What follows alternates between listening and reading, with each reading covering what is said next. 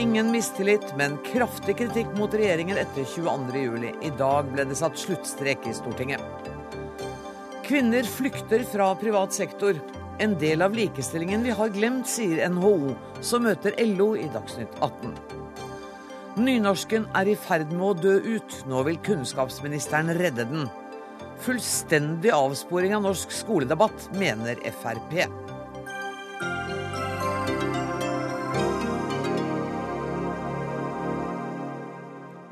Dette er sakene i Dagsnytt 18, der vi også skal høre at barnløshet er normalt og ingen sykdom. Det mener i hvert fall idéhistoriker Monica Wegling, som kommer i sendinga litt seinere. Men først. Politiet fikk flengende kritikk fra Arbeiderpartiets Martin Kolberg under 22. juli-debatten på Stortinget i dag. Han uttrykte tvil om politiet i det hele tatt erkjenner sitt ansvar for det som skjedde. Det har vakt en smule oppsikt at Kolberg hudflettet politiet fra landets øverste politiske talerstol. Velkommen, eh, Martin Kolberg. Eh, hvorfor gjorde du det? Fordi jeg mener det var nødvendig. Eh, det var slik at det vi opplevde gjennom vårt arbeid med saken, og spesielt under høringen, det var jo at en del representanter, ikke alle, men noen representanter, og til dels fremtredende representanter for politiet, hele tiden henviste til eh, regjeringen, til Justisdepartementet og til statsråden. Og det kan de gjøre i mange sammenhenger. Fordi det er jo slik at det er jo statsråden som er den øverste ansvarlige. Det er Justisdepartementet som har ansvaret for politiet. Ingen må misforstå det. Men det er jo ikke slik at norsk politi ikke har ansvar.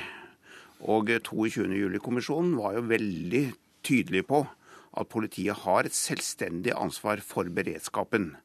Og eh, Det merka vi ikke. og Til tross for at vi presset veldig på dette, så fikk vi ikke ordentlig svar. Det var en del omgåelser og en del henvisninger. Og Det reagerte jeg veldig på. Det andre punktet, hvis jeg kan få lov til å si det kort, det var jo dette såkalte Sønderland-utvalget. Som eh, store deler av politiet stilte seg bak, og som viste seg å være feil. Og Da var det også grunn til å stille spørsmålstegn ved om de er i tilstrekkelig grad en lærende organisasjon. Nå vil jeg gjerne si for helhetens skyld at jeg la, la til i mitt innlegg at eh, jeg har merket meg at den nye politidirektøren sier helt andre ting. Han eh, erkjenner ansvaret, han erkjenner problemene, og han er tydeligvis svært læringsvillig. Og det syns jeg eh, er bra, men det var helt nødvendig å gjøre denne markeringen. Og hvem er det du kritiserer? Var det den tidligere politidirektøren Øystein Mæland? Eh, jeg vil, ikke, jeg vil ikke, helt bevisst uh, nevne noen spesielle navn her. Hvorfor ikke det? Nei, fordi at da blir det straks et diskusjon om personer. Og her er det mer sak, og det var derfor jeg brukte uttrykket politietaten. Mm. Uh, men det var flere fremtidige representanter som møtte der, og som jeg mener ikke svarte på uh, verken mitt spørsmål eller opposisjonsspørsmål for den saks skyld, og som derfor etterlot et inntrykk som det var grunn til å markere når vi nå behandlet saken i Stortinget. Ehm, jeg tolker det da at det var ikke bare én person, men det var flere ledere i politietaten du kritiserte i dag. Ehm, eh, Øystein Mæland var den eneste som måtte gå av som en direkte konsekvens av 22.07. Mener du at flere burde gått av? Ja, det tilligger ikke meg å kommentere det utover det jeg allerede har sagt. Altså det, er, det er i tilfelle regjeringen og justisministeren som håndterer dette. Eh, men jeg registrerer jo at flere av de som var på sentrale poster på det tidspunktet, ikke er der lenger. Eh, jeg skal ikke si at de gikk av pga. dette, men jeg registrerer at iallfall det er realiteten. Eh, du sier at du var misfornøyd med at politiledere sendte ansvaret oppover til justisministeren under høringene. Og i dag har du rett og slett sendt det tilbake? Nei, jeg vil ikke si det. For jeg har jo, i mitt innlegg så var dette én passasje. Og var det noe mitt innlegg var preget av, så var det jo kritikk også mot statsråden og regjeringen. Mm. Eh, og jeg vil understreke at vi har jo deltatt eh, fra regjeringspartienes side i kritikken som knytter seg til akkurat det konstitusjonelle ansvaret når det gjelder beredskapen og politiet, på en veldig tydelig og sterk måte. Og eh, Der er det ikke noe uenighet i komiteen. slik at det å si at vi sender det ansvaret tilbake, det er ikke riktig. Men det var helt nødvendig også å ta med denne, denne delen av helheten, vil jeg si. Og eh, markere det tydelig fra Stortingets talerstol at politiet har et selvstendig ansvar for beredskapen, rett og slett. Og så ble det et uh, enstemmig storting som til slutt uh, endte med å, gi full støtte til den uttalelsen, uh, som da ikke er en mistillit til regjeringen. Leder av kontroll- og konstitusjonskomiteen, Anders Anundsen. Er du enig i den kritikken som Martin Kolberg kommer med av politietaten? Bare delvis. Jeg mener at vi eh, i Sønderland-utvalgets rapport så et, eh, en politietat som ikke var villig til å ta nok læringspunkter. Når det gjelder kontrollhøringen vår, så mener jeg at eh, de som representerte politiet i stor grad på de riktige områdene, pekte oppover. De tok også mye ansvar selv, men de var også veldig tydelige på at det de hadde informert oppover om, hadde de fått beskjed tilbake om hvordan de skulle håndtere. Og Det er en diskusjon som det ikke er helt enighet om i eh, komiteen. Vårt ansvar er jo å plassere det politiske og det konstitusjonelle ansvaret først og fremst. Og Derfor er det relevant i en sånn kontrollhøring å peke på hvem som faktisk har det ansvaret. Og For å avklare det, så må vi vite hva er dialogen. Hva har de visst, hva har de ikke visst? Har de vært kjent med den dårlige IKT-satsingen? Har de vært kjent med at operasjonssentralen og stabsrommet er helt katastrofeområder? Altså, har de visst om dette? Og det har de visst om. Politihelikoptersaken akkurat det samme. Har de vært kjent med hvordan beredskapen faktisk ble? Og det har de visst om. Og Derfor er det viktig i en sånn kontrollhøring å få etatene til å løsrive seg litt og peke på der de mener ansvaret ligger. Og Så får jo vi ta våre vurderinger etterpå. Mm. Og der er dere altså litt uenige. Um, denne, uh, dere var altså ikke modige nok til å fremme mistillit? Det er ikke et spørsmål om mot. Det å fremme mistillitsforslag har ikke noen fasit ved at når den typen uh, hendelser skjer, så skal det fremmes mistillit. Eh, det som er realiteten her, er jo at eh, vi har samla oss som komité om mange veldig kritikkverdige forhold. Fremskrittspartiet, Høyre og Venstre har vært sterkere i sin kritikk og ønsket et sterkere kritikkvedtak enn det som ble resultatet i dag. Men det har etter en helhetsvurdering fra vår side ikke vært aktuelt med mistillit. Og jeg tror også at den avslutningen denne saken fikk i Stortinget i dag, som er historisk, det er et enstemmig kritikkvedtak mot den sittende regjering, er en verdig sluttstrek for den kontrollbehandlingen som vi har hatt av en veldig vanskelig sak. Og det kan jo se ut som Nå har ikke jeg gått inn i ditt, for det forelå jo tre ulike eh, forslag. Men det kan jo se ut som det har vært litt ordkløveri når man har byttet eh, ordet regjering ut med myndighetene osv. Hvor viktig er eh, ordbruken i sånne vedtak? Det er ofte veldig viktig. Men det aller viktigste i dag var at statsministeren bekreftet den forståelsen som opposisjonen la til grunn når vi subsidiært støttet det forslaget, nemlig at henvisningen til myndighetene i siste instans vil være regjeringen. Mm. Og det er jo alltid et stortingsmål, hadde jeg nær sagt. Vi kjenner regjeringen, vi kjenner statsrådene, eh, og ikke myndighetene som sådan. Og Det var en viktig avklaring som eh, gjorde det mulig for oss å stemme som vi gjorde i Stortinget i dag. En viktig, men ikke veldig overraskende avklaring, var det det? Nei, jeg er enig i at det ikke er en overraskende avklaring. Og jeg er litt overrasket over at formuleringen i forslaget ble sånn som det ble, men jeg er glad for at vi fikk klargjort at det i siste instans er regjeringen som er myndighetenes øverste organ, og at det ikke er noen uenighet om det. En annen ting som skjedde i dag, som også var viktig, det var jo at Rigmor Aasrud benytta sin anledning til å gi Stortinget en beklagelse for det som svikta under hennes ansvarsområde. Det mm. var også viktig og riktig. Og hun har fått kritikk for det tidligere, at hun ikke har gjort det tidligere? Ja, og den er vel ikke nødvendigvis helt riktig. Hun kunne gjort det tidligere, men for en, for en, sittende statsråd så vil det jo alltid være Stortinget som hun må forholde seg til, og dette har vært den første naturlige anledningen som hun har hatt. Hun kunne selvfølgelig valgt å si noe mer i kontrollhøringen, men der er det en forskjell på en avgått statsråd som Storberget, som der hadde anledning til å komme med sin beklagelse, og en sittende statsråd som forholder seg til Stortinget i plenum. Så du er fornøyd med den unnskyldningen som kom i dag? Jeg er fornøyd med den beklagelsen, og jeg mener den var viktig og riktig, og det var godt at den kom. Uh, Martin Kolberg, uh, dette, nå er det satt i hvert fall i Stortinget et foreløpig punktum. Det kommer en stortingsmelding også om oppfølgingen av uh, eh, 22. juli-kommisjonens arbeid. Ja. Den vet vi ikke riktignok om, den kommer før sommeren i hvert fall. Absolutt. Ganske, ganske fort, håper jeg. Ja. Er, er, du fornøyd Jeg vet at det har vært mye bråk og uro og diskusjoner i komiteen, men er du fornøyd med det resultatet du ser i dag? Ja, veldig. Fordi vi har hatt Eh, som eh, vår programformulering, for å bruke slikt uttrykk, selv om vi sitter i regjeringsfraksjonen, og ikke forsvare ting som ikke skal forsvares, og bare forsvare det som skal forsvares. Og det er jeg veldig fornøyd med at eh, vi har klart å holde en linje igjennom. Og eh, Anundsen bruker her uttrykket historisk, og det er det kanskje på noen områder. Men det som jo er spesielt, for å bruke et sånt uttrykk, for jeg klarer ikke å finne et annet uttrykk, det er at regjeringsfraksjonen jo fremmer et forslag med kritikk. Men det må ses på bakgrunn av denne sakens utrolig alvorlige karakter. Dette er ikke en vanlig sak.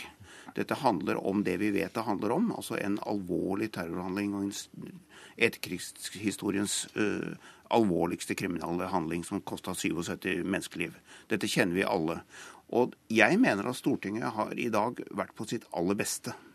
Har virkelig klart å ta dette inn, har diskutert det saklig og ordentlig, markert der vi har vært uenighet. Og det som er viktig å få sagt her, det er jo at det er en felles forståelse. Mm mellom nå et samlet storting og regjeringen, og regjeringen og statsministeren om hva det er som er eh, sannheten i denne saken. Statsministeren har sagt nøyaktig det samme i sine redegjørelser og kommet med en beklagelse på det grunnlaget. Og komiteen har kunnet legge det til grunn i sitt arbeid. Og det har gjort arbeidet lettere, og gjort det lettere å skape en parlamentarisk konsensus, som vi i dag ser resultatene av. Det vil jeg si tjener hele det norske Stortinget til ære. Og Det er jeg helt enig i. Dette har jo vært eh, på en måte avslutninga av hele denne prosessen etter uh, terroren 22.07. Eh, hvor vi hadde Gjørv-kommisjonen, vi har hatt rettsapparatets oppgjør med gjerningsmannen, og nå Stortingets behandling. Og Det som har vært viktig hele veien, er jo at vi har klart å holde en ryddighet, en verdighet over dette. Og så er det jo ikke til å stikke under en stol at fra opposisjonens side så mener jo vi at et kritikkvedtak står sterkere når det er et enstemmig storting som står bak, enn om det bare hadde vært drøye halvparten halvparten av Stortinget. Og nå er vi på en måte på vei bort ifra det som er kontrollen, kritikken og dette, og inn i den nye fasen hvor vi skal bli enige om hvordan vi faktisk skal gjøre Norge mm. sikrere. Hva skjer nå? Det, og det skal jeg glede meg til å invitere dere tilbake for å snakke om det når stortingsmeldingen kommer, og du sier den kommer i god tid før påske, Kolberg. I hvert fall ganske fort. Tusen takk for at dere kom. Martin Kolberg fra Arbeiderpartiet, Anders Anundsen fra Fremskrittspartiet, begge i kontroll- og konstitusjonskomiteen. Inn kommer nå kollega Trine Eilertsen, politisk kommentator her i NRK, og Fridtjof Jacobsen, leder for kommentatoravdelingen i VG. Um, Trine Eilertsen, um, Martin Kolberg valgte altså å gå til frontalangrep på politiet i dag.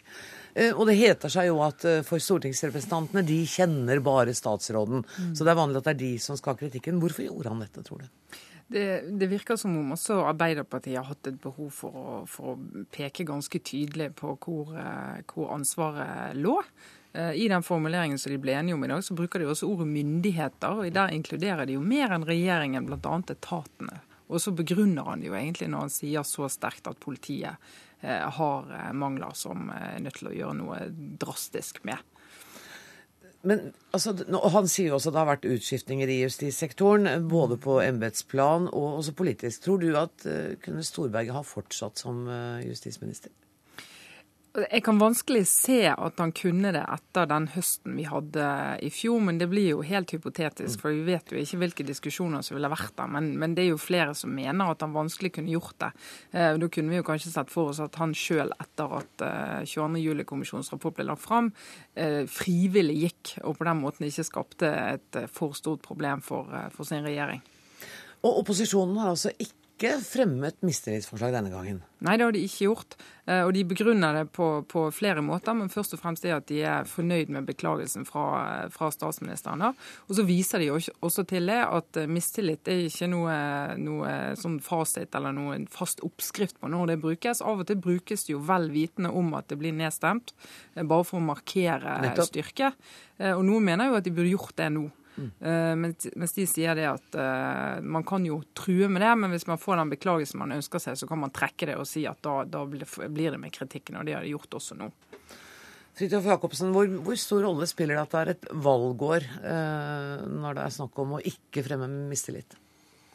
Det er vanskelig å si, men det er så uklart om denne saken egner seg for mistillit. Noen mistillitsforslag baserer seg jo på at man ikke har gitt Stortinget fullstendig informasjon. Eh, ofte har det vært det som har vært en sterk kritikk mot statsråd, at man har holdt tilbake viktig informasjon. Mm. Eh, det hjalp vel Lise Johansen i sin tid, ikke sant? Ikke sant? Ja. Og, andre. Og det er det vel vanskelig å se i denne saken. Eh, det andre er jo at jeg tror ikke man må glemme at, at dette er, så, det, er så, det er en sånn spesiell hendelse i norgeshistorien at det fins jo ikke så veldig stor oppskrift på hvordan man skal ta dette politisk. Eh, og ja, hvis man skulle mistillit, da måtte man vel uh, mistillit til enkeltstatsråder. Uh, det blir vanskelig, for uh, her har man jo Stoltenberg sagt at han har noe av det øverste ansvaret uansett. og det kan hende at det kan jo virke noe tannløst fra opposisjonens side, men og også kanskje mer at de ikke har utfordret regjeringen på, på en sånn veldig skarp og dyktig måte på hvordan beredskapen kunne vært bedre, eller hvordan den kan bli bedre i framtiden. Så jeg synes Den mest interessante debatten nå er på en måte hva hva nå? Mm, ja. Mm. Og, du, og du har skrev i avisa i dag at uh, den meldinga som kommer uh, om, om, oppfølgingen, der kan det være at uh, regjeringa er på vei inn i en felle. Ja, jeg, det er en fare for det i hvert fall. fordi at uh, det som er at uh, det er klart den Gjørv-kommisjonens rapport er såpass detaljert om hva som egentlig skjedde 22.07. Og gjennom det detaljnivået så blir mange konkrete svakheter i responsen til akkurat hendelsene 22.07. avdekket. Eh, det gjelder på en måte hvor fort man kom seg til Utøya. Eh, det gjelder eh, samarbeidet mellom forskjellige politidistrikter, og det gjelder en, en del andre mobilisering av, av Forsvaret, helikopterressurser og sånne ting. Så er jo faren at man lager et nytt system som ville klart en helt lignende scenario som Utøya mye bedre. Det, det må man jo gjøre men at man tror at da er man blitt veldig mye tryggere. Så kan det være neste gang noe eh, treffer oss, eh, enten det er eh, ja, en terroraksjon eller en annen eh, veldig sånn opprivende hendelse eller noe veldig grov kriminalitet, så kan det være arte seg helt annerledes. Så det er viktig at man skal bygge et nytt politi og et nytt beredskap. så må man eh, så må man ikke stirre seg blind på akkurat de, de konkrete hendelsene 22.07, for da får man en slags falsk trygghet. Og Det er, det er interessant at Kolberg i dag er nøye med å påpeke at politiet har et ansvar. Det tror jeg peker fremover mot den meldingen som kommer hvor det antageligvis eh, vil bli ganske dramatiske og omstridte endringer for politiet. Både når det gjelder antallet politidistrikter og en del andre måter å organisere på. Er du enig i det, Trine Eilertsen? Ja, og det som Gjørv-rapporten var så tydelig på, det er jo det at dette ikke handler om ressurser og planer og ark og bokser og hvem er hvor, men det handler jo faktisk om gjennomføringsevne og evne til å følge opp. Og Det betyr jo at man må ha et veldig troverdig system for å måle om ett år og to år og tre år at man faktisk er kommet et stykke videre, og at det ikke blir at det skjer et eller annet dramatisk om fem år. Og så har vi en ny mini-Gjørv-kommisjon som ser at her skjedde det ingenting, men vedtaket var. Så det blir jo en helt annen måte å, å lage den type politikk på hvis det skal være troverdig.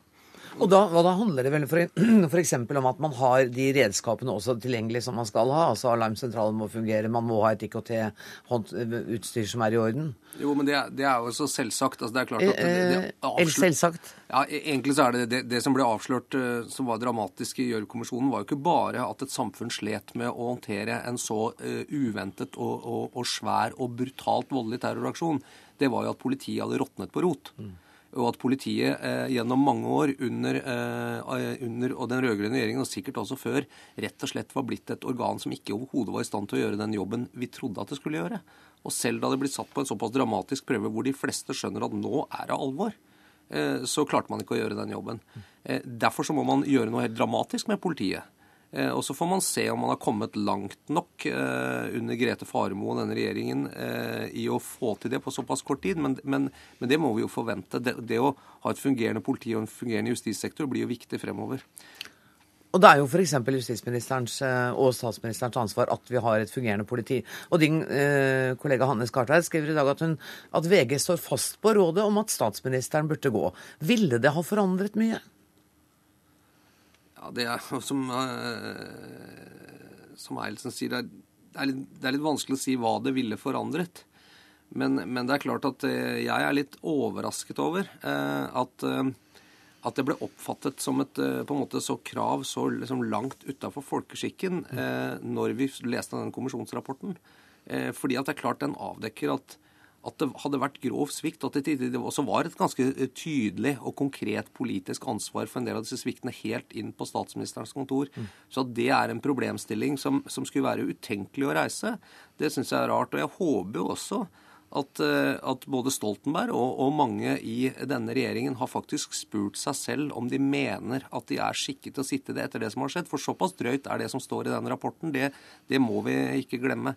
Eh, nå har de jo sagt at de mener er det er på en måte De som feilet, er kanskje de beste til å rette opp. Så, mm. så kan det jo være noe i det. Men, eh, men jeg, jeg, er litt overrasket over at, eh, over at dette kravet VGs, i VGs leder er, er, liksom blitt fremstilt som et sånt helt sykt, syk måte å tenke på. Eilertsen, helt til slutt. Kolberg sa også i dag at han var usikker på om politiet hadde læringsevne. Mm. Det som blir spennende nå å se, er jo etter den stortingsmeldingen som da kommer om kort tid, om regjeringen har læringsevne. Ja, det blir jo det. Og, det. og det får vi jo egentlig ikke målt denne regjeringen på. Altså Selv om man skulle bli valgt igjen til høsten for den som, som, tror eh, det, så blir jo det en ny regjering eh, med en ny plattform. Men det blir, jo, eh, det blir jo en av de tingene som ikke bare regjeringen, men også opposisjonspartiene er nødt til å ha troverdige tanker om hvordan de skal følge opp den type endringer. For det, endringer og vedtak og, og rapporter er blitt vedtatt utallige ganger uten at man har fulgt de ordentlig opp. Helt kort, da. Ja, men bare huske at altså, Før 22.07 så fikk vi stadig høre at det ble bevilget mer og mer penger. Det var stadig flere tiltak, stadig mer gode saker til politiet. Det skulle liksom gi oss et bedre politi. Sannheten var at vi hadde fått et elendig politi. Og Hvis man da prøver å følge opp med liksom, vi bevilger mer, vi skal ha mer kontroll, mer regimer, så er det jo ikke sikkert at det virker denne gangen, når det ikke virket før 22.07. Ordet budsjettvinner må ha fått en litt annen klang. Mm. Det kan hende at vi inviterer dere tilbake når stortingsmeldingen foreligger. Tusen takk for at dere kom, Trine Eilertsen, kommentator her i NRK, og Fridtjof Jacobsen fra VG.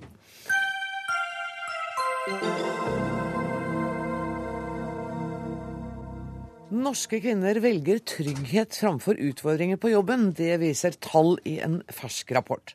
Andelen kvinner i det offentlige har økt fra 60% i 1991 til 70 i dag. Samtidig som det er færre kvinner som jobber i det private nå enn for 20 år siden. Og det er en tendens som du er bekymret for, Kristina Julum Hagen, likestillingsrådgiver i NHO. Ja, det må jeg si. Jeg ser det som en utfordring for våre bedrifter i privat sektor, som hver dag kjemper om å få tak i de flinkeste hodene, at kvinneandelen i privat sektor går ned. For i den samme tidsrommet her som kvinneandelen i privat sektor synker, så vet vi jo at jenter har kommet for fullt inn i høyere utdanning. Og ikke bare det, men de har beveget seg inn på mannsdominerte områder som ingeniørstudiet, økonom og juss. Og det er jo de fagene våre bedrifter trenger. Så jeg tenker at det er ikke en bærekraftig utvikling fremover at privat sektor ikke klarer å få tak i mer av den kompetansen. Det må vi gjøre noe med. Så, så det du sier er at unge kvinner i dag velger i og for seg utradisjonelle eh, utdanningsretninger, men når det kommer til jobb, så velger de tradisjonelt? Ja, det stemmer eh, i hvert fall delvis. Altså, det, jo, det er også en bevegelse i retning av at flere kvinnelige ingeniører f.eks. går til privat sektor. Men ser vi stort på det, så synker kvinneandelen. Og det som rapporten som vi har lagt frem i dag viser, som jeg kanskje syns er ekstra urovekkende, det er at en del høyt utdanna mødre forsvinner fra privat sektor. Mm. Altså De er i privat sektor i utgangspunktet, men når de kommer i den fasen at de stifter familie, så forlater de privat sektor og går til offentlig sektor. Og, og der, grunnen er? Det vet vi dessverre lite om. Vi ser tallene. Vi vet ikke at, er, at, de er trygghetssøkende, som du sa i introen. Det vet vi strengt tatt ikke. Eh, her trenger vi mer forskning, sier forskerne. Eh, vi i NHO har ikke tenkt å vente på forskninga. Vi har tenkt å allerede nå gå i gang med å finne gode grep for at våre bedrifter skal klare både å rekruttere og holde på kompetente damer i privat sektor. Det mulig at trygghetssøkende ikke er den absolutte sannhet, men det er i hvert fall ett av argumentene som er nevnt i de eh, artiklene jeg leste i dag, ja. om at, at, kvinner når de får barn, mm. føler kanskje at eh, det er mer regulert arbeidstid i det offentlige, at det, er, at det legges bedre til rette. Og da er det jo da dine medlemmer har en utfordring. Det er det.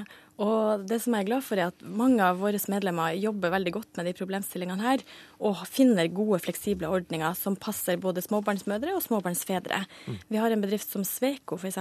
rådgivende ingeniører. De har klart å doble kvinneandelen sin fra 14 til 28 eh, på tolv år, med å systematisk tilby fleksibel arbeidstid både for eh, småbarnsmødre og småbarnsfedre. Så det mm. går an. Synnøve Konglevold, eh, spesialrådgiver i LO. Var du overrasket over eh, tallene? Altså, eh, I og med at jeg jobber med området, så har jeg jo lest mye av den forskninga som lå til grunn fra før. og Sånn sett var jeg ikke overraska. Men når jeg begynte å jobbe i LO for et drøyt år siden, mm. og begynte å sette meg inn i arbeidsmarkedet, så ble jeg overraska over at vi har et arbeidsmarked der veldig mange kvinner og menn jobber på arbeidsplasser stort sett bare sammen med sitt eget kjønn. Uh, I arbeidslivet så, så, er det mange som lever i en, måte, rein, en ren manneverden eller en ren dameverden. Og det mener jeg er en viktig utfordring som vi må ha økt oppmerksomhet om. Men det er jo NHO helt enig i også. Ja. Og, det, og det viser seg jo nå at flere kvinner velger utradisjonelle utdanninger, og så havner man i litt sånn konvensjonelle arbeidssteder. Ja, altså det, det, er jo mange forklaringer til at, eh, til at du ser det, det, bildet som du ender opp med. Og jeg vil gjerne si at det er ikke noe galt i å jobbe i offentlig sektor. Eh, jeg håper ikke det har gjort det. vi trenger dyktige folk i offentlig sektor, eh, og vi trenger ikke minst flere menn i offentlig sektor. LO vi organiserer jo både privat og offentlig sektor, og, som, og vi, vi er Eh, mener at arbeidslivet er en viktig del av samfunnet, og at også i likestillingspolitikken så må vi nå rette fokus fra reformer i familien. Vi har gjort store, viktige løft på utbygging av barnehager, på eh, foreldrepermisjoner, på pappaperm, og det har hatt effekt. Eh, men nå må vi rette fokus mot arbeidslivet og se hvordan kan vi skape bedre kjønnsbalanse på arbeidsplassene. Det høres ut som dere har en del ting dere kunne snakket sammen om og fått noen fornuftige resultater ut av, da? Ja, det gjør vi jo allerede. Og den rapporten vi snakker om her i dag, det er jo LO og NHO som har bestilt den sammen. Så Men jeg tenkte her... mer på tiltakene i eh, arbeidslivet nå, som, som skulle gjøre det mer attraktivt for kvinner også å velge den private sektor. Ja. Eh, da er det jo også andre fagforeninger enn LO som organiserer de Nettopp. høyt utdanna eh, damene vi snakker om. Men vi er absolutt innstilt på å jobbe sammen, partene i arbeidslivet. Hva slags tiltak eh, er det du kan tenke deg? Jeg er litt opptatt av at jeg ikke har alle svarene her, for det her er ganske komplisert materie. Eh, så det vi i NHO gjør nå i første omgang, er at vi skaper en møteplass for våre bedrifter, hvor de kan møtes og utveksle gode erfaringer. For vi vet at mange bedrifter har jobba godt med de spørsmålene her, og har lyktes. Og det at de får fortelle sine historier og eksempelets kraft, det har jeg stor tro på. Eh, jeg tror også kanskje at det, litt av dette er en kommunikasjonsjobb for privat sektor. For er det egentlig sånn at det er så mye tøffere og mindre fleksibelt å jobbe i privat sektor? Jeg tror ikke det, og min erfaring er ikke det i det hele tatt. Stadig flere firmaer eh, tilbyr gode løsninger for mødre og fedre som har lyst til å gå tidlig for å hente i barnehagen, mot at de heller tar frem PC-en på kveldstid og får levert det de skal. At man har fokus på leveranse og ikke på nødvendigvis tilstedeværelse på arbeidsplassen utover ettermiddagene. Og det her gjøres i mange bedrifter allerede. Men om vi er gode nok til å kommunisere det ut til uh, unge mennesker som kommer ut fra universitetene, det er jo et annet spørsmål. Ja, så kan det hende det også er sånn at eh, kvinnene før de er gift og får barn, jobber i det private næringsliv og jobber veldig, veldig mye. Og så tenker de at ah, det, dette kan jeg ikke gjøre etter at jeg får barn. Og er ikke klar over at da kan også arbeidssituasjonen være noe annerledes. Det kan hende, men vi ønsker jo på sikt at privat sektor skal kunne være en god arbeidsplass både ja, for menn og kvinner. Jeg venta ikke ja. på en 17. mai-tall, jeg bare lurte på, bare lurte på om, om, det kan være en del av forklaringen. At, at jenter som står på og jobber sine 12-14 timer i døgnet, mm. i det øyeblikket de får barn, tror at det forventes av dem at de skal fortsette med det.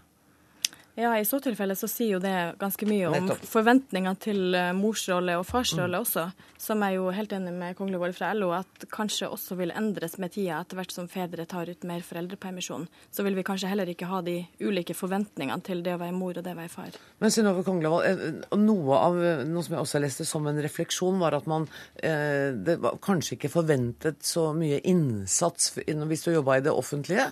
Tror du kvinner tenker sånn?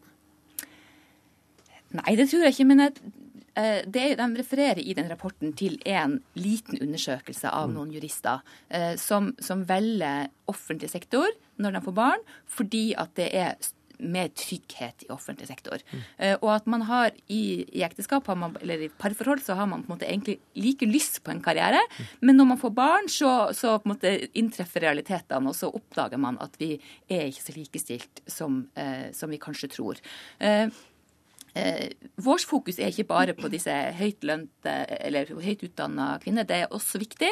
Eh, men, men, det som vi i tillegg er særlig opptatt av, det er at det er altså en sammenheng mellom eh, hvor det er kvinnedominerte arbeidsplasser, og hvor mange jobber deltid. Mm.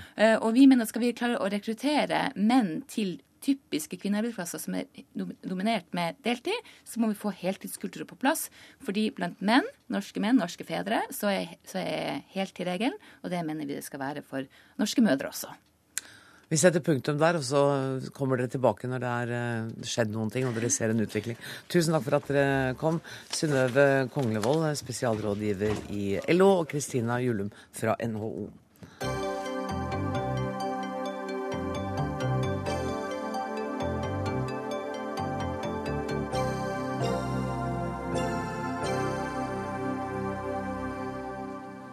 Nå skal det dreie seg om eh, tilliten, eller mangel på sådan, mellom journalist og intervjuobjekt.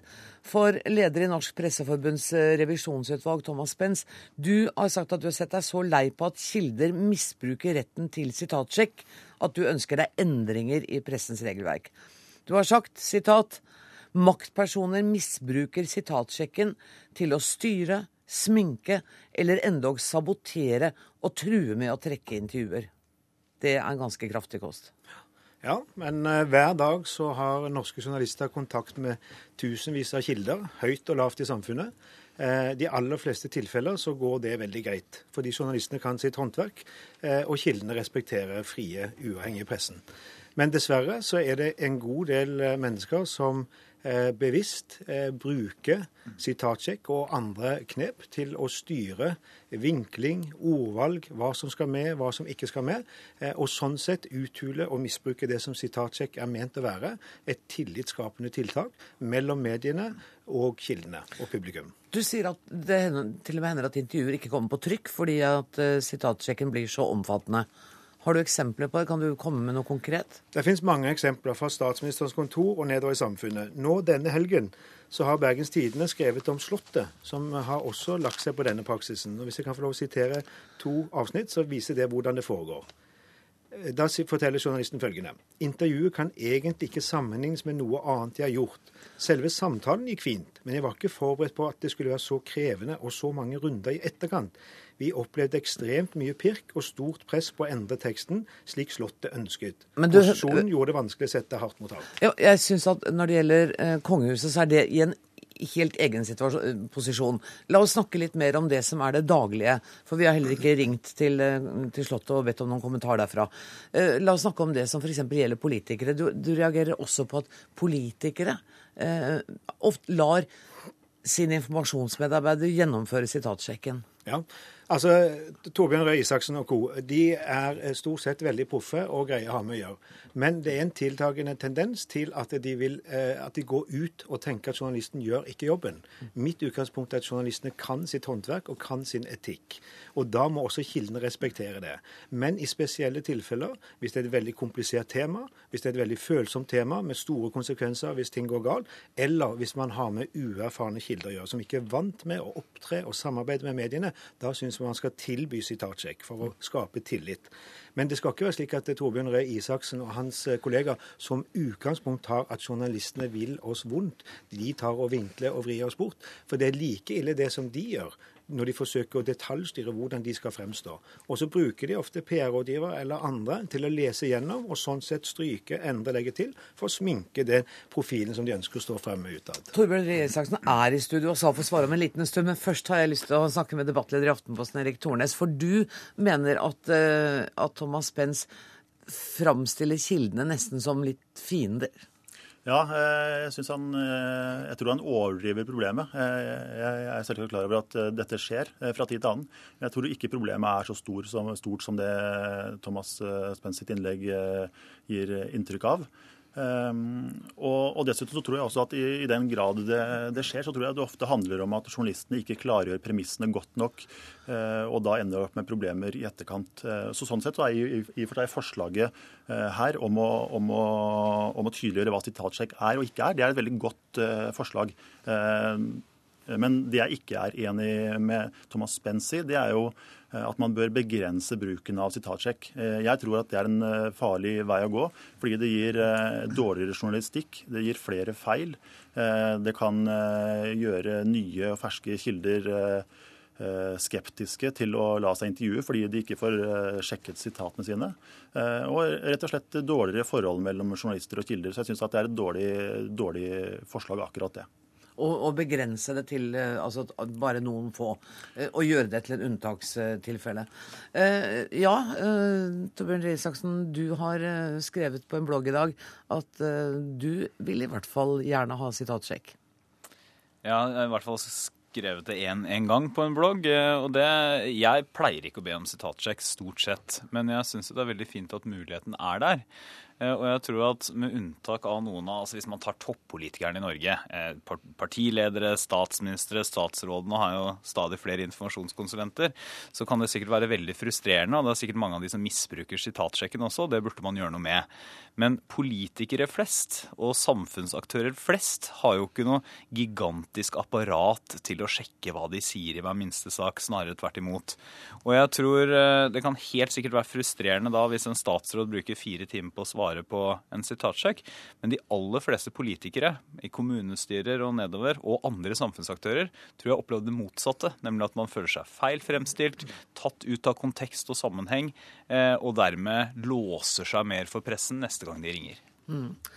Da er det Tornes først. Ja, og nettopp til dette som Røe Isaksen nevner her, så er det jo interessant å trekke fram en undersøkelse fra Danmark hvor, hvor kildene mente at det var feil eller misforståelser i 60% av sakene som de gikk gjennom. Altså, det, det er altså kildene selv som mener det, så det trenger jo ikke være helt der oppe. Men det er uansett et problem for journalistene at kildene mener at det er feil i så mange saker.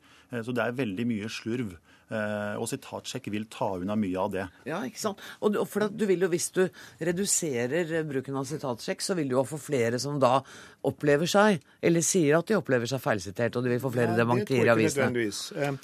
Ledende verdensmedier som New York Times og Reuters har i fjor gått til det skritt å eh, avbryte bruken av sitatsjekk. For det har blitt misbrukt så mye av politikere, men også næringslivsfolk, byråkrater, organisasjonsfolk. Dette er noe som har bredt seg veldig utover.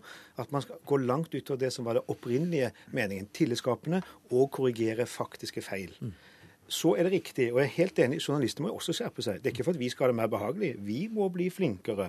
Vi må gjøre vårt håndverk riktig. Vi må sitere det riktig, og vi må gjengi meningsinnholdet, slik at kildene kjenner seg igjen. Men første, hvordan skal, skal de stole på det, da? Det er jo ikke en, altså, jo, men Det er det arbeidet vi gjør, og, og, i samarbeid med redaktørene hver dag i redaksjonene. og prøve, Men det er også å kjempe for at man har nok ressurser til å ha tid til å ha, skrive ut, foreta kontroll, sjekke med notater, slik at det blir riktig gjengitt. Hvis tidspresset er for stort, hvis man skal produsere så og så mange flere saker per dag eller per time, så blir det dessverre mer tidspress og slurv. Det skal vi også kjempe mot. Men her snakker vi om ett fenomen, misbruk av sitatsjekken, mm. ikke den bruken i det normale omfanget. Men er det, ikke, er det, ikke, da lettere å si at det er misbruk av sitatsjekk som er problemet? For jeg er helt enig, for det gir jo maktpersoner, ikke sant? og det er politikere, det er andre samfunnsaktører. Det gir jo dem en mulighet da, tror noen, til å styre vinklinga på en sak. Og det er jo ikke sitatsjekken. Det dreier seg om at meningsinnholdet i det du har sagt, blir rimelig korrekt gjengitt. Mm. Men, men da må man jo ikke gå til angrep på sitatsjekken som sådan. Og gått angrep på, på, misbruk av den, da, eventuelt. Ja, ja men jeg syns du sier mye klokt. Du kunne jo egentlig vært uh, i journalistlaget. jo, men det er veldig riktig at det, det, det, er jo misbruket. Vi er ikke mot selve sitatsjekken. Men det er når politikere ikke bare har en mening om hva de selv har sagt, men gjerne vil ha strøket uh, journalistens uh, analyse, hvilke adjektiv man bruker for å beskrive, karakterisere en situasjon hvor kongefamilien ikke liker at, at togvognen kalles luksuriøs, og vil ha strøket den slags, Da er man langt utenfor det som er mandatet og mulighet man skal rette opp faktiske feil i det man har sagt. Samtidig så kan jo oss journalister være både tendensiøse, upresise. De kan falle for ja, Nei, selvfølgelig ikke her i statskanalen NRK, men disse andre private, kommersielle. Nei, Og kan jo også da falle for fristelsen til å kanskje ta et sitat litt ut av sammenheng, fordi at det kan gi den kule, det kule oppslaget på forsida som man drømmer om. Tornes? Ja, det, er, det, er, to ting her. Eh, og Det ene er til det som nettopp var innom. Eh, Thomas skriver jo i innlegget sitt at Eh, at, det er kildene som synder mest mot paragrafen om at endring av avgitte uttalelser bør begrenses til korrigering av faktiske feil. Men i de tilfellene så er det jo journalisten eh, som, som, eh, som bestemmer. Eh, så hvis kildene kommer tilbake og vil endre på noe som Eh, som de ikke har rett til å endre, eh, så er det jo bare opp til journalisten å si at dette er utenfor ditt mandat. Dette er ikke innenfor sitatretten. Beklager. Jo, eh, men det er bare der. Det er ofte mange timers forhandlinger. og Jeg har andre eksempler med Statsministerens kontor med et stort pressebyrå for to uker siden, hvor en hel kveld går. Det forsinker publiseringen, det ødelegger konkurransen, det koster mye for redaksjonen, og det er veldig slitsomt for journalister å måtte slåss om hva som faktisk skal foregå. Så den forhandlingssituasjonen etter intervjuene har funnet sted, det, det mener jeg er uheldig for, for samfunnet og kvaliteten på debatten. Men det får dere jo da endret på hvis den uh, endringen blir vedtatt, uh, som gjør at man har en tidsfrist for sitatsjekken? Ikke Ja, hvis Da vi lærer opp kildene litt hva sitatsjekk er og ikke, og vi blir litt flinkere selv, så bør det kunne bli bedre. Så er det bare én ting til, og, og det går på dette som at det skal være unntakstilfeller. Og, og da mye av pressen handler jo om å finne de kompliserte sakene, altså, etter, altså være systemkritiske. Eh, Så, så veldig mye er kompliserte og kritiske saker, og vanskelige saker, kranglesaker, sånn som her i Dagsnytt 18. Eh, Så, så hvem er det da som bestemmer hva som er følsomme, kompliserte temaer? Eh, Og så står det at eh, hvis journalisten er usikker, så bør sitatsjekk avtales. Men det er da minst like problematisk hvis journalisten er sikker og likevel tar feil. Ikke sant? Så det er, så det er mange, mange, mye skjønn her. Mye skjønn, Spens. Ja, altså Jeg har nok litt større tillit til journalistene enn deg, men, men det er greit. Men det er selvfølgelig et samspill mellom journalist og kilde, hvor man må være lydhør. Og møter man et uerfarent menneske, eller selv føler at det her er på tynn is, så er det ingen skam å si at her kan det være lurt med en sitatsjekk. En kontroll av hva som er sagt, og hvordan det er presentert etterpå. Et ord i rette tid. Jeg er nødt til å sette strek. Jeg beklager, Torbjørn Isaksen. Og takk også til Thomas Spens og Erik Tornes.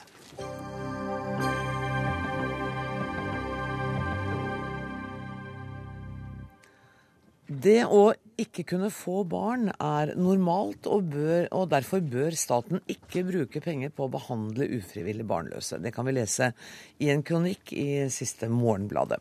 Det er uanstendig å sette dem som ikke kan reprodusere seg, på samme liste som kreftsyke og folk som lider av schizofreni. Det skriver du, Monica Wegling. Du har skrevet en doktorgrad om diagnostikk i kulturen, og nå går du inn for å friskmelde ufrivillig barnløse. Hvorfor det? Nei, jeg skal ikke friskmelde noen, for jeg mener at de ikke er syke i utgangspunktet. Så det er ikke noe å friskmelde, for å si det sånn.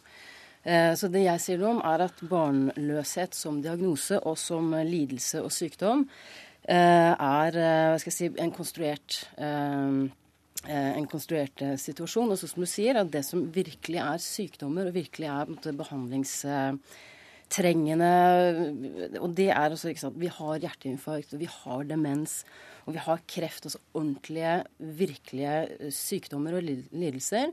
Og at da det å ikke kunne reprodusere seg selv, eller sitt eget måte, celler og vev, som jeg skrev i Morgenbladet, det syns jeg er eh, Jeg, syns det er eh, uhørt, som jeg sa da. Fordi det handler om, ja, det handler om Selvfølgelig, selvfølgelig handler det om økonomi, men det er ikke bare det. Altså, jeg tenker at de barnløse blir på en måte enda mer ulykkelige ved å vektlegge denne pasientstatusen så mye som man gjør. Fordi at presset fra samfunnet på de barnløse blir enda større ved at de får en forsterkning av at de er ikke som alle andre, liksom? Eller? Ja, jeg men jeg syns de gjør det selv også. Altså, organisasjonene er veldig sånn på at eh, dette skal behandles, og de, eh, retorikken der er veldig sånn på at dette er en sykdom og et avvik og sånn. Og da mener jeg at de selv også er med på å etablere og underbygge eh, ideen om at eh, det er en eh, at det er en eh, sykdom, og at de er avvikende. Og så er det en annen ting, fordi det har en konsekvens også for meg, som er frivillig barnløs. Jeg har valgt å ikke ha barn. Og jeg er sånn lykkelig med det valget. Men når barnløshet blir sett på og blir oppfattet som, et, som, et, eh, ja, som en sykdom da, og som noe, en grusom skjebne, så vil folk ofte tro det om meg også. Når jeg går ut i verden og har ikke barn, så er det jo ingen som spør meg om sånn Å, har du valgt det selv, eller har du ikke? Er du glad for det, eller er du ikke? Men man tar for gitt at det er noe jeg mangler i livet, og at jeg er jeg skal si, trist og lei meg da. Og jeg får liksom ikke helt muligheten til å, å rydde opp i det. Og det er det jeg måtte, Det er mitt sånn ankepunkt. Altså. Nestleder i Foreningen Ønskebarn, Lise Bukke Jacobsen. eh, Hvordan reagerer du på det du hører her nå? At det er rett og slett helt normalt og friskt å ikke kunne få barn? Men de aller fleste får jo faktisk barn, så det er ikke helt normalt og friskt å ikke få barn. Og Verdens helseorganisasjon har definert eh, ufrivillig barnløshet og infertilitet som en sykdom. De har satt en diagnose på det. Eh, Infertilitet kan skyldes mange forskjellige ting som man kan gjøre noe med. Ting som man nødvendigvis ikke er så lett å utrede og oppdage, men som assistert befruktning da medvirker til at man får et barn. Så, så jeg tenker at når det å ikke selv, altså det man selv har valgt, det står det jo respekt på. Men det å da si at ufrivillig barnløshet ikke skal være en, eh, en, diagnose, at man skal fjerne behandling fordi det gjør det lettere for de som ikke har valgt, det blir kanskje å sette det litt for mye på, på, på spissen. Men ser du at samfunnet ved den måten å behandle ufrivillig barnløshet på, legger et ekstra tungt press på de frivillig barnløse? Presset er der på alle. Og det er vel egentlig det som er utgangspunktet her. At det er et press fordi det er den familien som man møter et ønske om, eller som man møter eh, i resten av samfunnet. Så presset er det både på de som har valgt å ikke få barn selv, og på de som ikke kan få av ulike årsaker. Så man fjerner ikke det presset eller den normativiteten som ligger der, ved å si at ufrivillig barnløshet ikke er en diagnose. Men, men det at det er en diagnose, betyr vel likevel ikke at man behøver å føle seg som syk? Nei, og det eh, er det nok. Altså det, det, som er utfordringen med ufrivillig barnløshet, det er ikke nødvendigvis sånn sett sykdommen i seg selv, men det er en psykisk belastning. Og det vet man veldig mye om. At veldig mange tar det fryktelig tungt. Både i den situasjonen de er, under en eventuell behandling og, og, senere. Og det kan man ikke ta lett på. Nei. Vegling, det er jo riktig også, den psykiske belastningen ved dette. Ja, og jeg har jo sagt noe om, eh, om eh, det måte, i kronikken om det. For det er viktig å understreke er at dette for veldig mange er veldig alvorlig. Eh, det handler om eh, Og jeg har snakket med flere både i dag og, og andre ganger om temaet. Um, og det som er kjempeviktig å huske på, du har helt rett. For mange de opplever det som et traume. ikke sant? Mm. Fordi at det, sånn, det skal man ikke kimse av. Men det er forbigående. Ikke sant? Kreft er forbigående hvis man setter inn masse altså ordentlig behandling, men man kan dø av det. Ikke sant? Veldig, veldig alvorlige størrelser. Um, barnløshet er altså ikke dødelig. Det er, jeg syns det er Jeg syns det er eh, jeg syns ikke det har noe i diagnosesystemet å gjøre. Men da snakker du økonomi, nå snakker du samfunnsøkonomi, rett og slett. Du setter nei, barnløsheten og, og prøverørene opp mot f.eks. en kreftbehandling? Ja, og det, og det også er viktig. Ikke sant? Fordi at eh, Man skal ikke sette sykdommer opp mot hverandre. Men vi har et helsebudsjett som er begrensa, og nå må vi, måte, vi må ta noen valg. Uh, og da syns jeg at da må vi velge det som handler om, måte, om liv og død uh, for, for, folk, da. Og barnløshet syns jeg er altså i anstendighetens navn ikke uh, Jeg syns ikke det kvalifiserer til en, som en sykdom. Og selv om Verdens helseorganisasjon har har bestemt at det skal være en sykdom, så er det ikke nødvendig at altså Hvis du hadde sett repertoaret av sykdommer i WHO, så for der er det mye rart. Så det er ikke sånn at de er et uh, sannhetsvitne. Men så bare si én ting, for det er ikke bare det politiske jeg, uh, jeg uh, er opptatt av. For det, det er noe så. Men det, og det er det jeg jobber med i doktoravhandlingene mine også, er at en sånn kultur er med på å skape veldig mye mer sykdom mm. i tilværelsen. ikke sant? Ved å sykeliggjøre ethvert avvik. Du har helt rett i det. De aller fleste både kan få barn, og de får barn. Og det er en sånn normal eh, situasjon. Og det er helt eh, fint.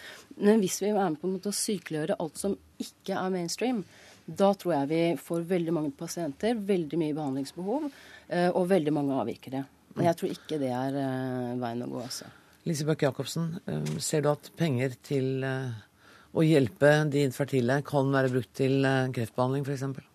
Men samtidig så er det jo, når man skal se samfunnsøkonomisk på det, så er det også god samfunnsøkonomi å ha eh, assistert befruktning og gi hjelp til barnløse. Nettopp fordi det skaffer barn. Altså Det er et, faktisk et syn som veldig mange europeiske land bruker som et godt argument for at de har også en større og utvidet behandling i forhold til det vi har her i Norge.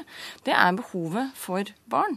Det er behovet for eh, velfungerende voksne eh, som også yter sitt. Det er ikke så lett å gjøre det når man eh, er en ufrivillig barnløs, fordi det påvirker både arbeidssituasjonen og andre ting. Så jeg synes det, Når du på den ene siden sier at du ønsker ikke å sette sykdommer opp mot hverandre, så er det jo akkurat det du gjør. Og det er det du begrunner jeg kan si, hele din argumentasjon på, er at det er så mye bedre å bruke pengene et annet sted. Fordi dette bør ikke være en sykdom. Og jeg har selv apropos tatt et annet valg.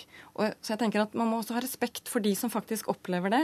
At de, de har et veldig sterkt ønske om mm. å få barn. På samme måte som du selv ønsker respekt. Det må gå begge veier. Mm. Eh, og som sagt, igjen eh, samfunnsøkonomisk. Det kan være god økonomi i å få flere barn i verden. Ja, Nå er vel ikke akkurat underbefolkning det største problemet vi har på kloden, så jeg vet ikke om jeg er helt med på den, da. Men uh, jeg sa i stad du må ta på dypeste alvor den sorgen man opplever. Men om det er en diagnose, det er jeg ikke, det er jeg ikke sikker på. Uh, og, og uansett bør det ikke gå penger av helsebudsjettet til Nei, nei, jeg syns ikke det. Jeg, nei, jeg syns ikke det. Og det er som sagt to ting. Det ene er det økonomiske i det. Og det andre er at det påfører måtte, samfunnet mye mer sykdom. Mange flere diagnoser. Og det behøver vi altså eh, ikke. Og en annen ting er at det er veldig mange barn som trenger omsorgspersoner. Eh, men altså type omsorgshjem kan man være, helgeforeldre. Det er veldig mange som virkelig trenger omsorg. Og det er det ofte de ufrivillige barnløse som faktisk er, nettopp fordi de ikke får egne barn. Dere kommer ikke til å bli enige i kveld. Jeg må bare si tusen takk til Monica Wegling og Lise Bøck Jacobsen. Hør Dagsnytt 18 når du vil, på nettradio eller som podkast nrk.no dagsnytt 18.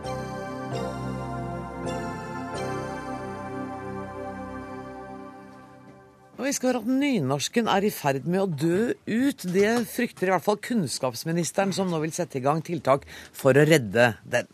I videregående skole er det i dag bare 6% av elevene som har nynorsk som hovedmål. Og Kristin Halvorsen vil innføre ekstrapoeng til elever i videregående som velger nynorsk som hovedmål. Hvordan vil det redde nynorsken, eh, Kristin Halvorsen? Det jeg har ønska å få fram i diskusjonen uh, om, om norskfaget, det er at veldig mye av oppmerksomheten har vært på nynorsk som sidemål, for det er jo det de fleste elevene har som sidemål. Men jeg er like opptatt av de som har nynorsk som hovedmål, fordi vi ser at de er i kraftig reduksjon.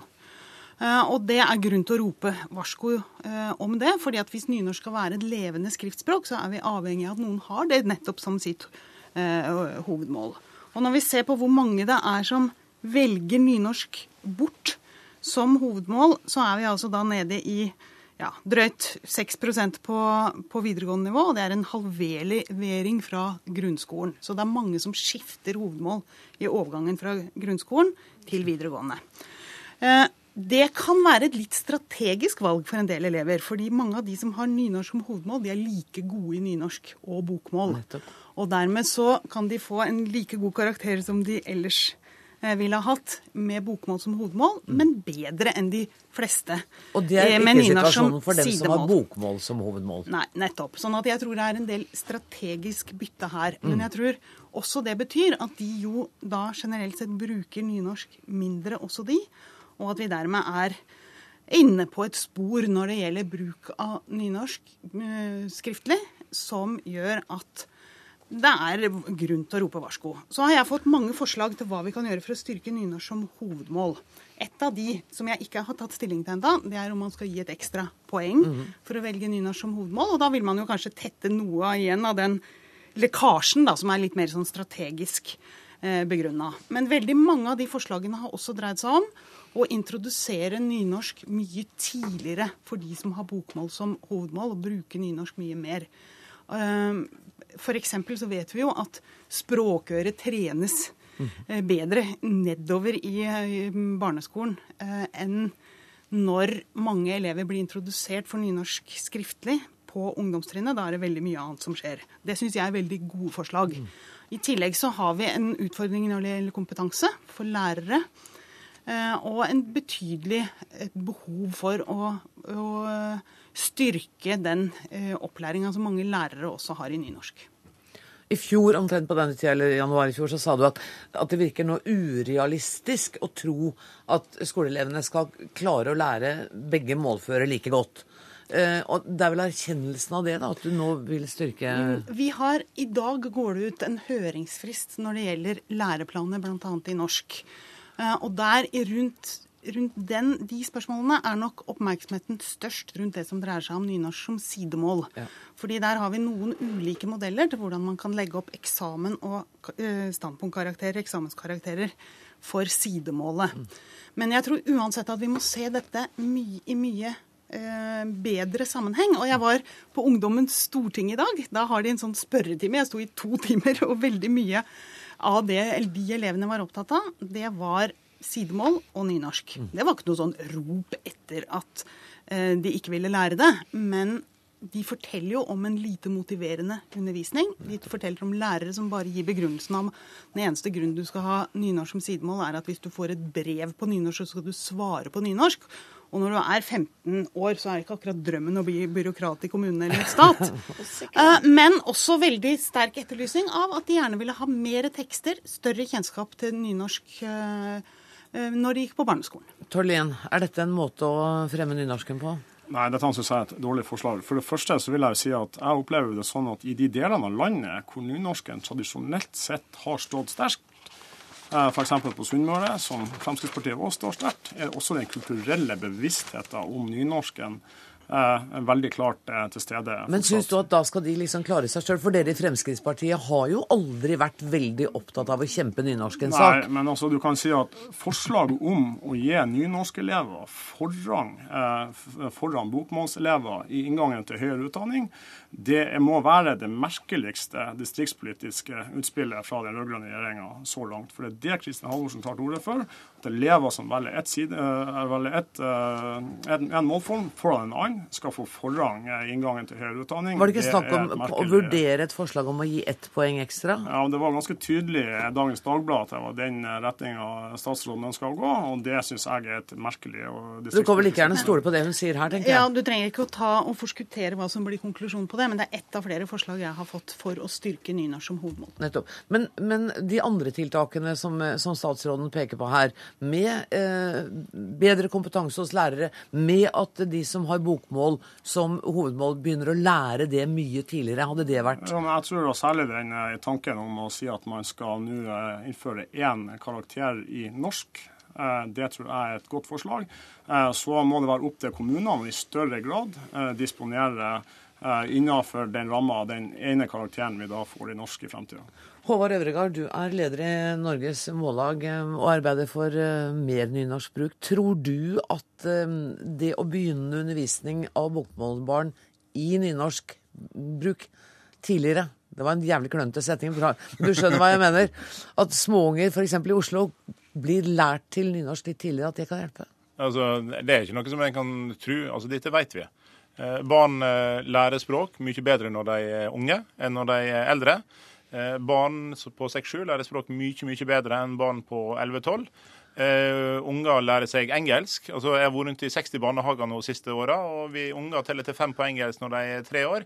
Når jeg leser bøker på nynorsk, og så tar vi en setning, og så sier jeg at det heter 'jeg vil heim' på nynorsk og 'jeg vil hjem' på bokmål, så forstår ungene det uten problem. Det er idioti at en begynner med sidemål først i 9. klasse. Så du jubler for de tankene som statsråden gjør seg her? Ja, altså, altså tidlig, tidlig, start, det er det, det er det viktigste grepet for å få slutt på denne sånn sidemålsdebatten og sidemålshetsen som en har. Det vil gjøre hverdagen mye mye bedre for skoletrøtte ungdomsskoleelever i Oslo. Det vil gjøre hverdagen mye bedre for nynorskbrukere over hele landet. Men hva med å gi et poeng ekstra til dem som velger nynorsk som hovedmål? når, det gjelder ekstra, ekstrapoeng, og her er, altså, det, Tord Lien, Det som det er snakk om med et ekstrapoeng, det er dokumentasjon av reell kompetanse. Fordi at en bokmålsbruker og en nynorskbruker er med bokmål som hovedmål og nynorsk som hovedmål. Hvis de er like flinke i sidemål, så får da nynorsk, den med nynorsk som hovedmål mye dårligere karakter. Fordi at bokmålsbrukere generelt sett er mye dårligere. og den, Det får ikke en uttelling for. og det, hvis, du, hvis, du, heller vil at en skal sette ned alle bokmålsbrukerne en karakter i norsk, så vær så god, men jeg tror ikke det er noe bærekraftig forslag. Men det er karaktersettinga i uh, de, norske, de, to uh, sidestilte målene våre som er problemet. Så det er det vi må gripe tak i. Å belønne noen for å velge nynorsk og straffe andre for å velge bokmål, det er en form for tvang. Og jeg tror på en måte at målet må være å få folk til å ville bruke nynorsk, ikke å tvinge dem til å bruke Men hvis det, nynorsk. hvis det er dokumentasjon av reell kompetanse, er Fremskrittspartiet mot at reell kompetanse gir uttelling? Jeg trodde jo en var for at en reell høyere kompetanse skulle gi uttelling. Her ble den gjort i forhold i, i form av et Som sagt, Hvis ekstrapoeng. karaktersettinga er problemet, så får vi selvfølgelig rydde opp i det. Statsråd? Jeg, jeg tror at vi må få litt mer himmel over den diskusjonen om nynorsk og bokmål. fordi det jeg merker på veldig mange elever, det er at de får en veldig dårlig begrunnelse for hvorfor de skal lære nynorsk hvis de har bokmål som eh, hovedmål. Og at de får en veldig lite entusiastisk opplæring av ganske stressa norsklærere som har et veldig stort fag. Eh, sånn at Også- her Jo, og det er nødt til å avslutte nå. ja, nei, jeg bare tror at vi må få satt det inn i en større sammenheng. Ellers så går vi liksom med ryggen mot veggen og et veldig pressa nynorsk eh, nynorsk. Og jeg håper at vi nå kan ta den debatten videre på det. Det er i hvert fall mye følelser hver gang vi diskuterer språk, også er her i, i Dagsnytt 18. Eh, tusen takk til Kristin Halvorsen, Håvard Øvregård og Tord Lien. Denne Dagsnytt 18-sendinga er slutt. Ansvarlig i dag har vært Siri Storstein Hytten. Det tekniske ansvaret har Karl Johan Rimstad. Jeg heter Anne Grosvold, og høres i morgen. Takk for nå.